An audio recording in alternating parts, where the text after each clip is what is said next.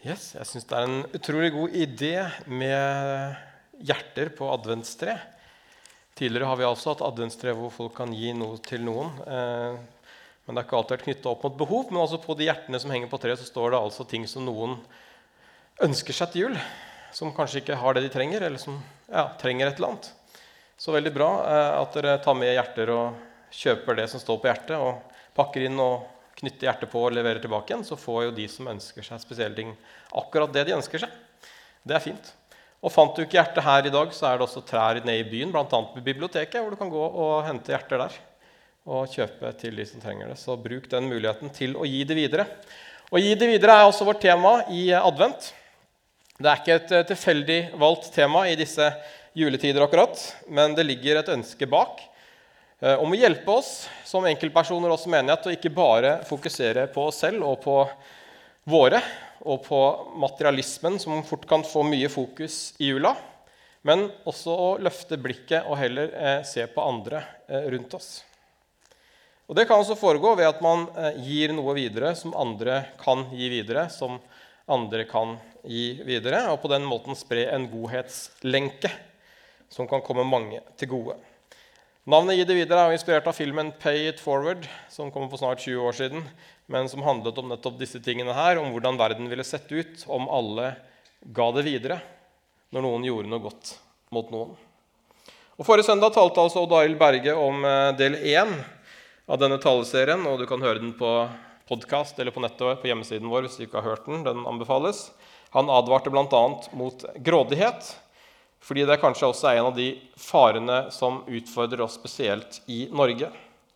Det handler om å ha en tydelig bevissthet om hva som er viktig i livet, og det, og det å klare å, måte, å, løfte blikket fra reklameplakater, fra skjermene og alle inntrykk som bombarderer oss hele tiden. Eh, og det er ikke alltid like lett. Så da har vi snakka litt om det her, og det her med at en motvekt til grådighet er nettopp det å gi. På den måten kan vi motvirke grådighet ved å gi.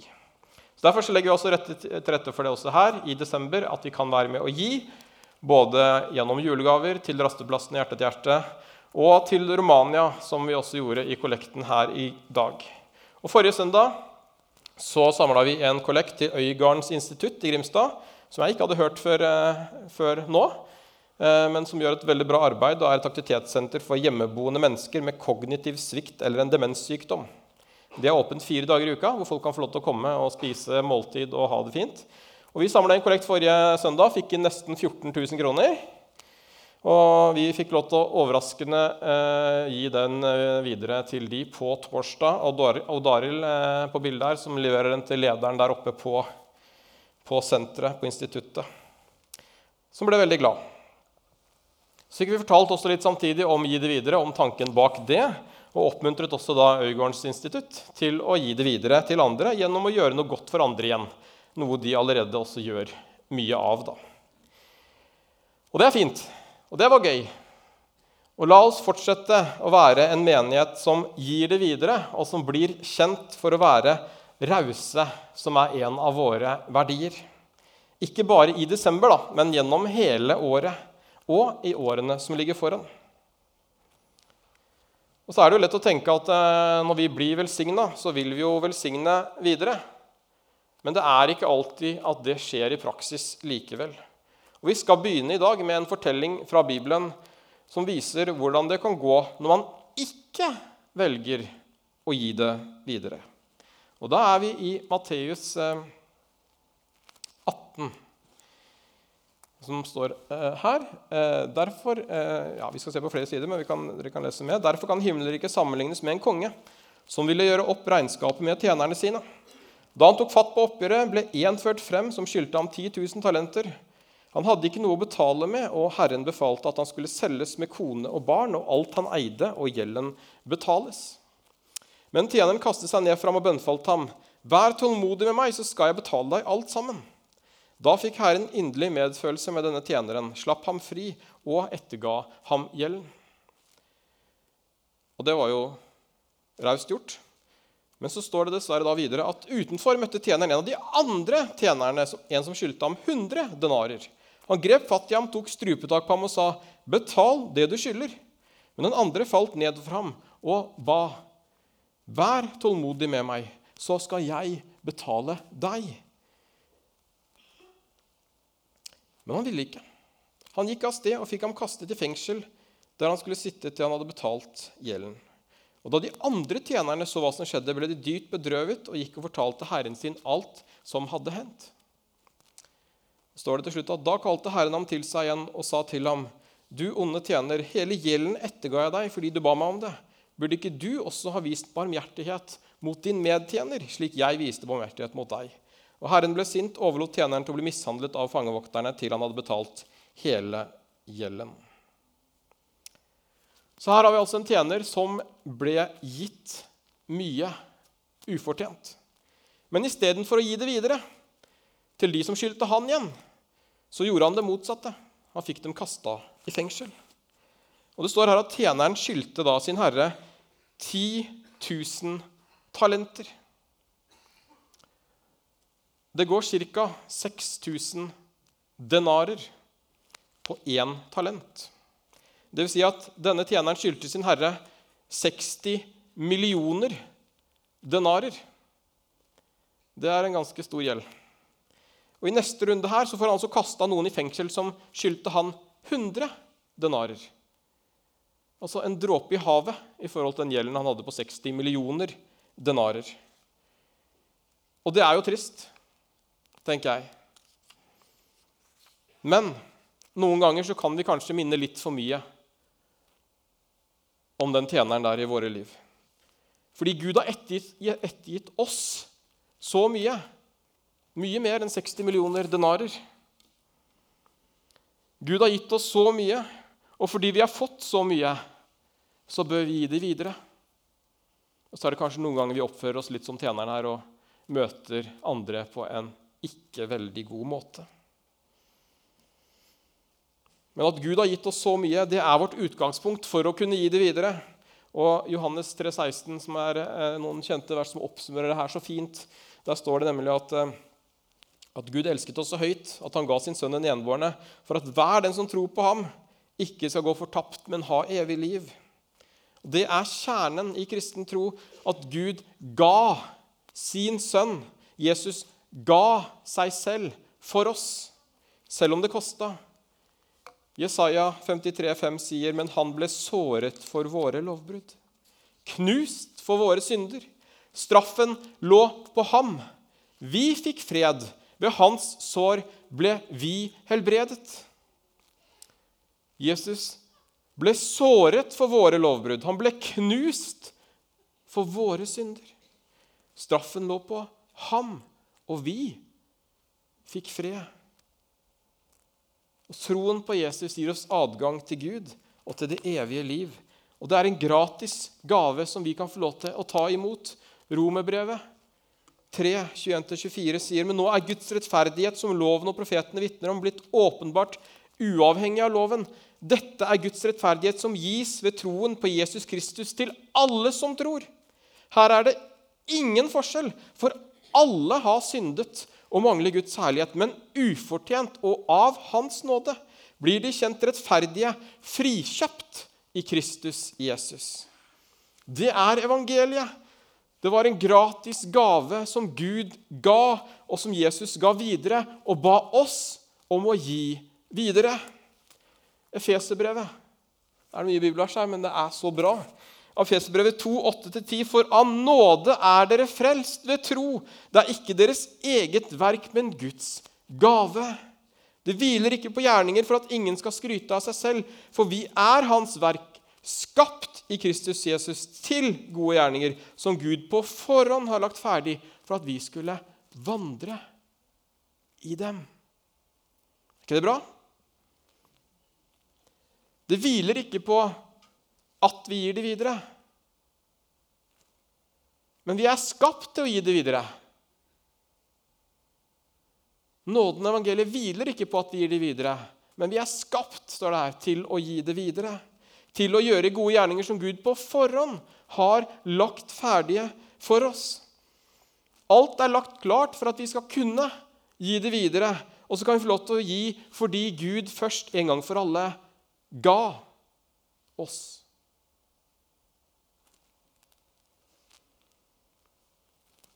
skal vi være en som har fått så mye, og som ikke gir det videre, og ikke behandler mennesker rundt oss bra, slik som den tjeneren som vi hørte om i stad?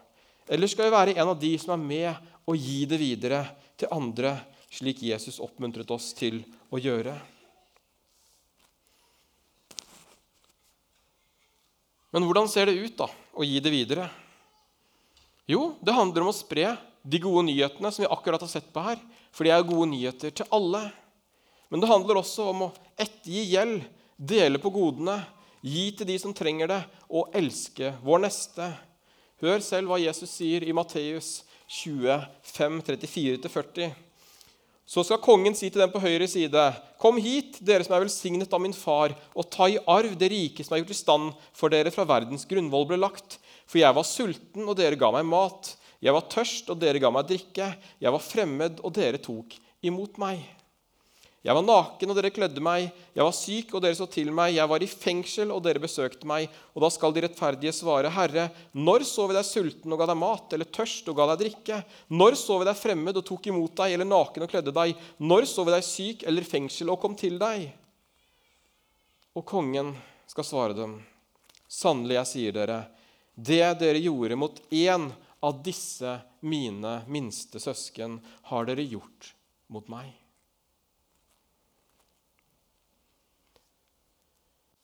Jeg er utrolig takknemlig for at vi er en menighet som ikke bare har nok med oss selv. For det er lett å tenke iblant at åh, nå er det så mye som skjer, akkurat nå så har vi nok med oss selv. Men problemet er at når vi har nok med oss selv, så fokuserer vi bare mer og mer på oss selv. Og det vi fyller hjertet med, det taler munnen. Så fyller vi hjertet med oss selv, så snakker vi mer om oss selv, tenker vi mer om oss selv, og så bryr vi i det ytterste konvens til slutt oss bare om oss selv. Og Derfor så trenger vi gode tiltak i vårt fellesskap, som rasteplassen, samtalerommet, gjenbruksrommet, kaffebaren, til stede, omsorgsgruppa, misjonskomiteen og mange flere med dem, som hjelper oss å strekke oss utenfor kirkens vegger og ut i samfunnet. Og Min bønn er at vi bare må få lov til å oppleve mer og mer av det i det året som ligger foran og venter på oss. Og Jeg har personlig også fått en mye større tro på diakoni den siste tiden. Og jeg tror det ligger en nøkkel i nestekjærligheten, både for oss som enkeltpersoner, men også for oss som menighet. Jeg håper at vi vil gripe det og ta det med inn i det nye året som ligger foran. Og takk til alle dere som allerede er med og bidrar på ulike måter i vårt arbeid både her i menigheten og ut av menighetens vegger. Og I november hvert år så tar vi en telling av hvor mange frivillige medarbeidere vi er i Misjonskirka. Og På fredag så var det Grace, som er telleren i staben om dagen. Da var hun endelig ferdig med tellinga, og det var en ganske stor jobb. Men vi er altså i dag 314 unike frivillige medarbeidere i Grimstad misjonskirke. Det syns jeg er verdt en applaus.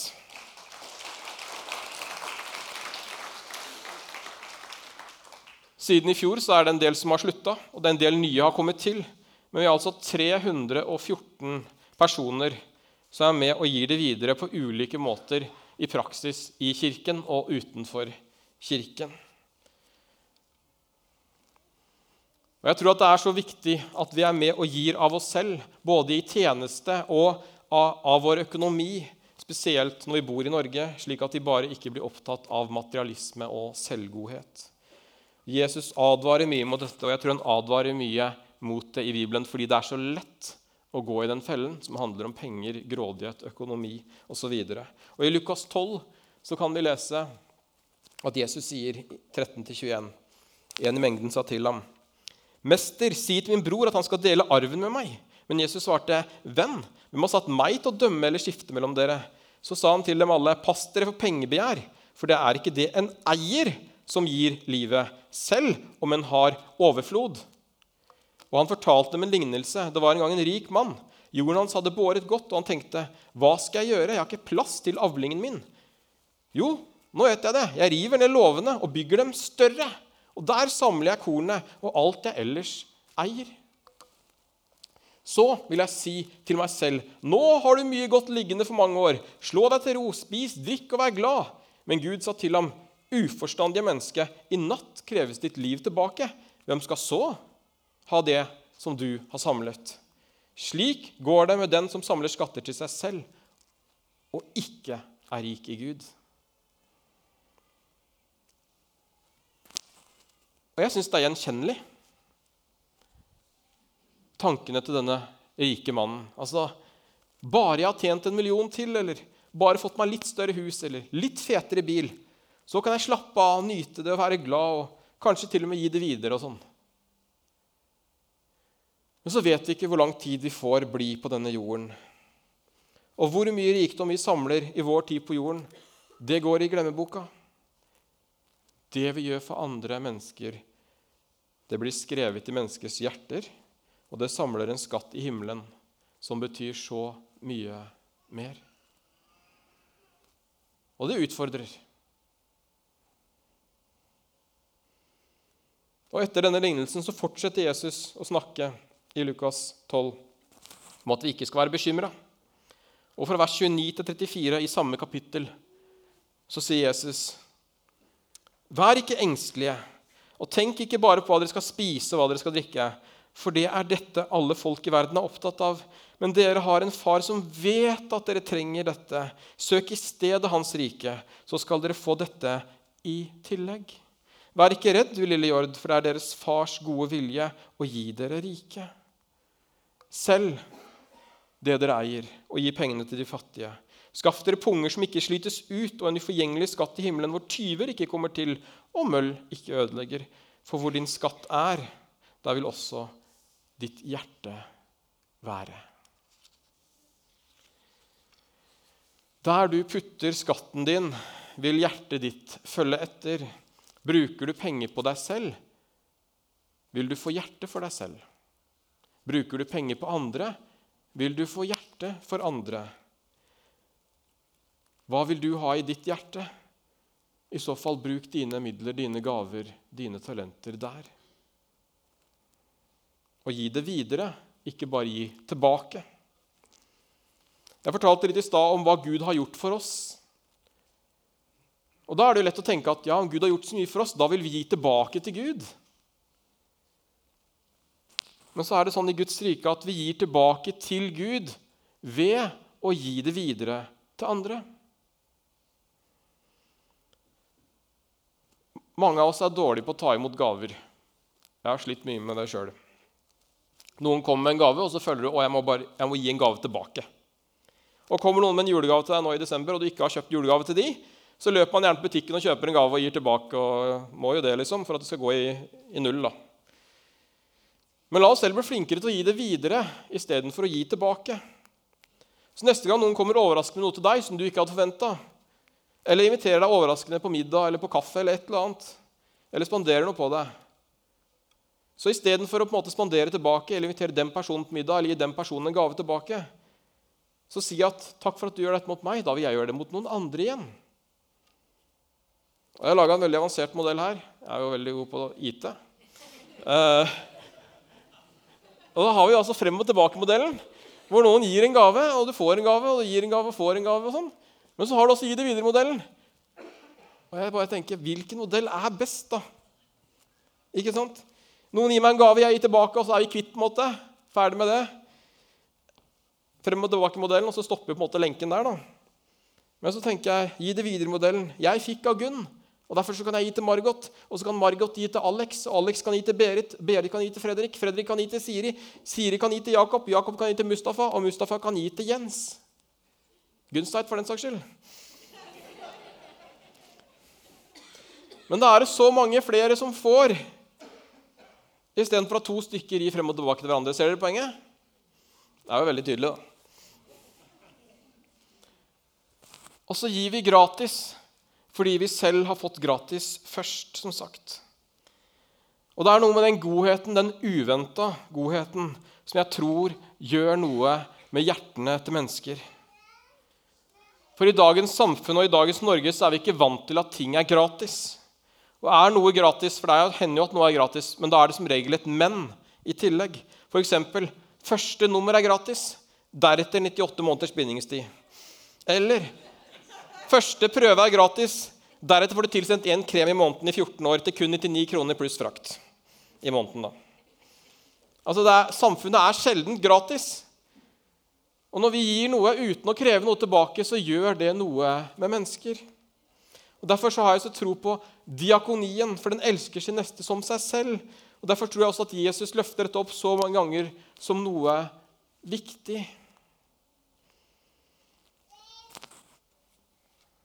Og Det er en sann historie om dette her med gratis som jeg liker veldig godt. Og Noen har kanskje hørt den før, men det er danske Bjarne Jessen som skriver om en selvopplevd historie. Og Det er oversatt fra dansk, så jeg håper at det er sånn noenlunde. Men den lyder slik.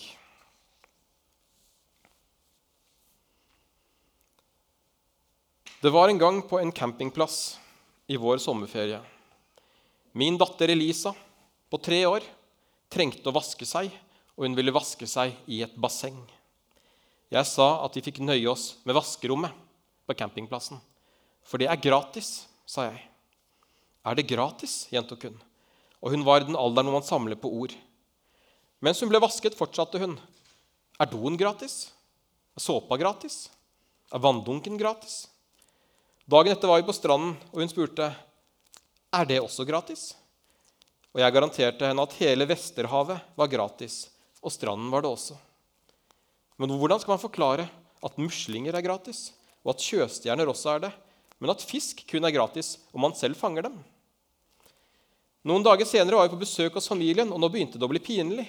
For hva svarer man når man sitter ved bordet, og ungen himmelhøyt spør om maten er gratis? Jeg forsøkte å forklare at de ikke skulle betale for maten, for vi var gjester. Så man kunne godt si at for oss var maten gratis, men de andre hadde kjøpt maten, så for dem var den ikke gratis.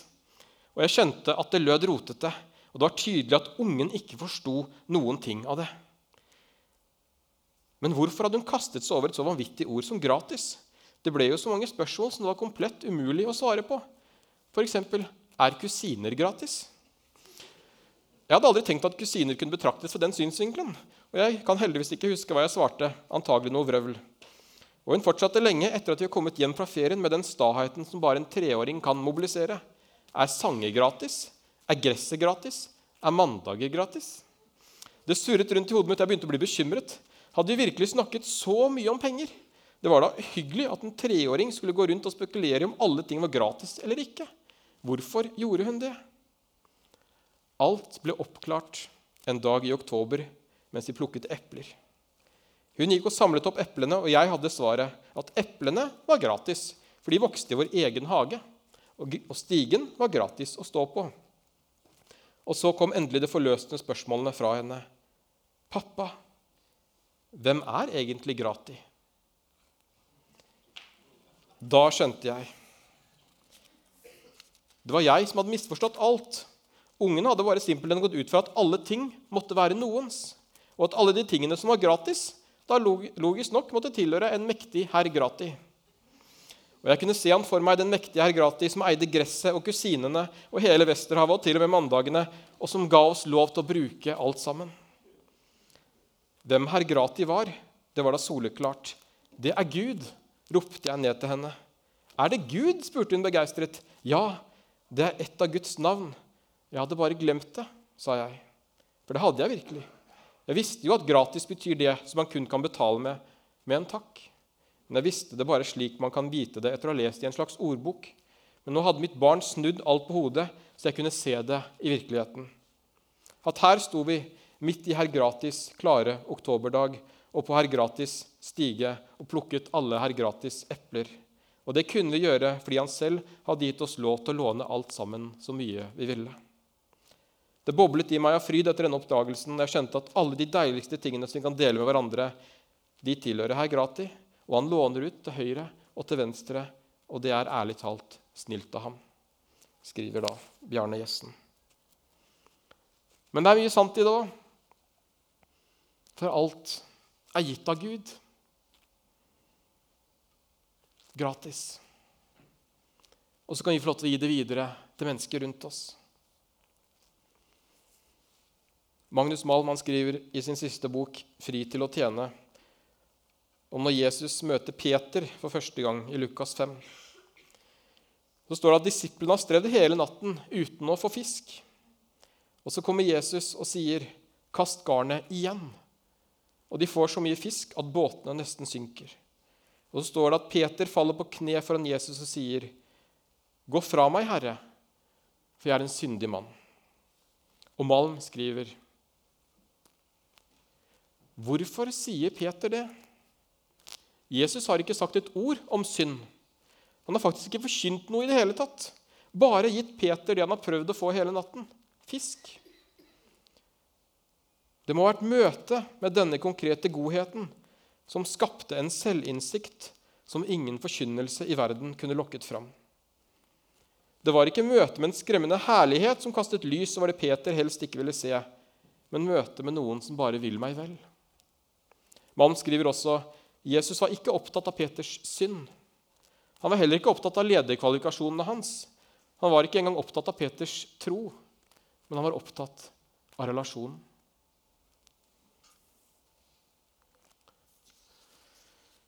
Vi kan se det gjennom hele Det nye testamentet, hvordan Jesus møter mennesker. Da Jesus møter Sakkeus, så inviterer han Sakkeus til måltidfellesskap rundt bordet. Før han i det hele tatt har sagt noe om at Sakkeus lever rett eller galt. Konsekvensen av den kjærligheten ved å invitere seg selv på middag hos Sakkeus gjør at Sakkeus ønsker å gi det videre. Han begynner med å betale tilbake til de som han har svindlet, med renter.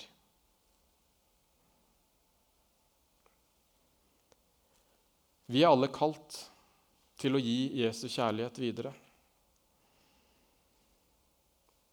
Og jeg tenker at vi først og fremst er kalt til å gi Guds kjærlighet videre før alt annet.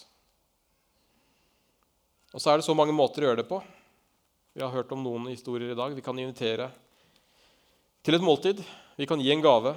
Vi kan måke snø for naboen. Vi kan elske, vi kan lytte, vi kan gi, vi kan dele. Og så kan vi oppmuntre alle andre som vi får lov til å bety noe for, til også å gi det videre. Og Det var dagens utfordring. Jeg håper at vi også i løpet av desember kan få noen historier om å gi det videre.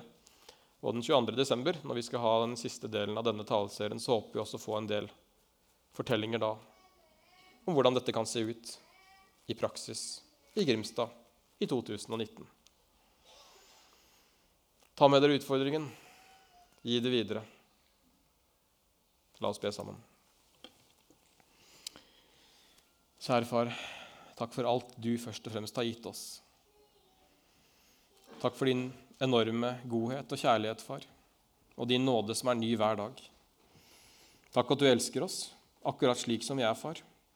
Ikke på grunn av det vi gjør, men på tross av det vi gjør, far. Og takk at du også har lagt gode gjerninger ferdige for oss, som vi kan få lov til å gå inn i, far. Nå ber jeg at du bare skal hjelpe oss til å se de mulighetene rundt oss, far, i den tida som ligger foran. Hjelp oss til å se menneskene, far, til å se hjertene, far. Og hjelp oss til å øse ut av den godheten og den kjærligheten som du har gitt hver enkelt av oss, far. Takk at vi kan få lov til å peke på deg. Takk at vi kan få lov til å gi deg videre, far. Gi oss frimodighet og kraft til det, far. Led oss hver dag ved din Hellige Ånd, både som enkeltmennesker og som menighet. Vi takker deg for at du går med oss i Jesu navn. Amen.